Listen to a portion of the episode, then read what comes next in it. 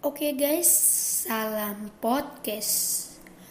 Di podcast kali ini, saya akan membahas tentang makanan tengkleng.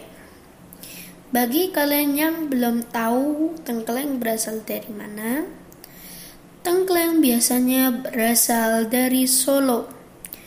Ini adalah makanan salah satu khas Solo. Tengkleng dibuat dari tulang belulang, dari tetelan, biasanya dibuat dari kepala kambing. Kuahnya yang berwarna kuning bikin kita jadi penasaran dengan rasanya. Biasanya masak tengkleng agak lama.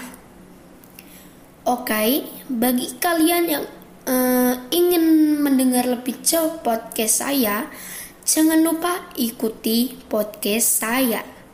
Bye.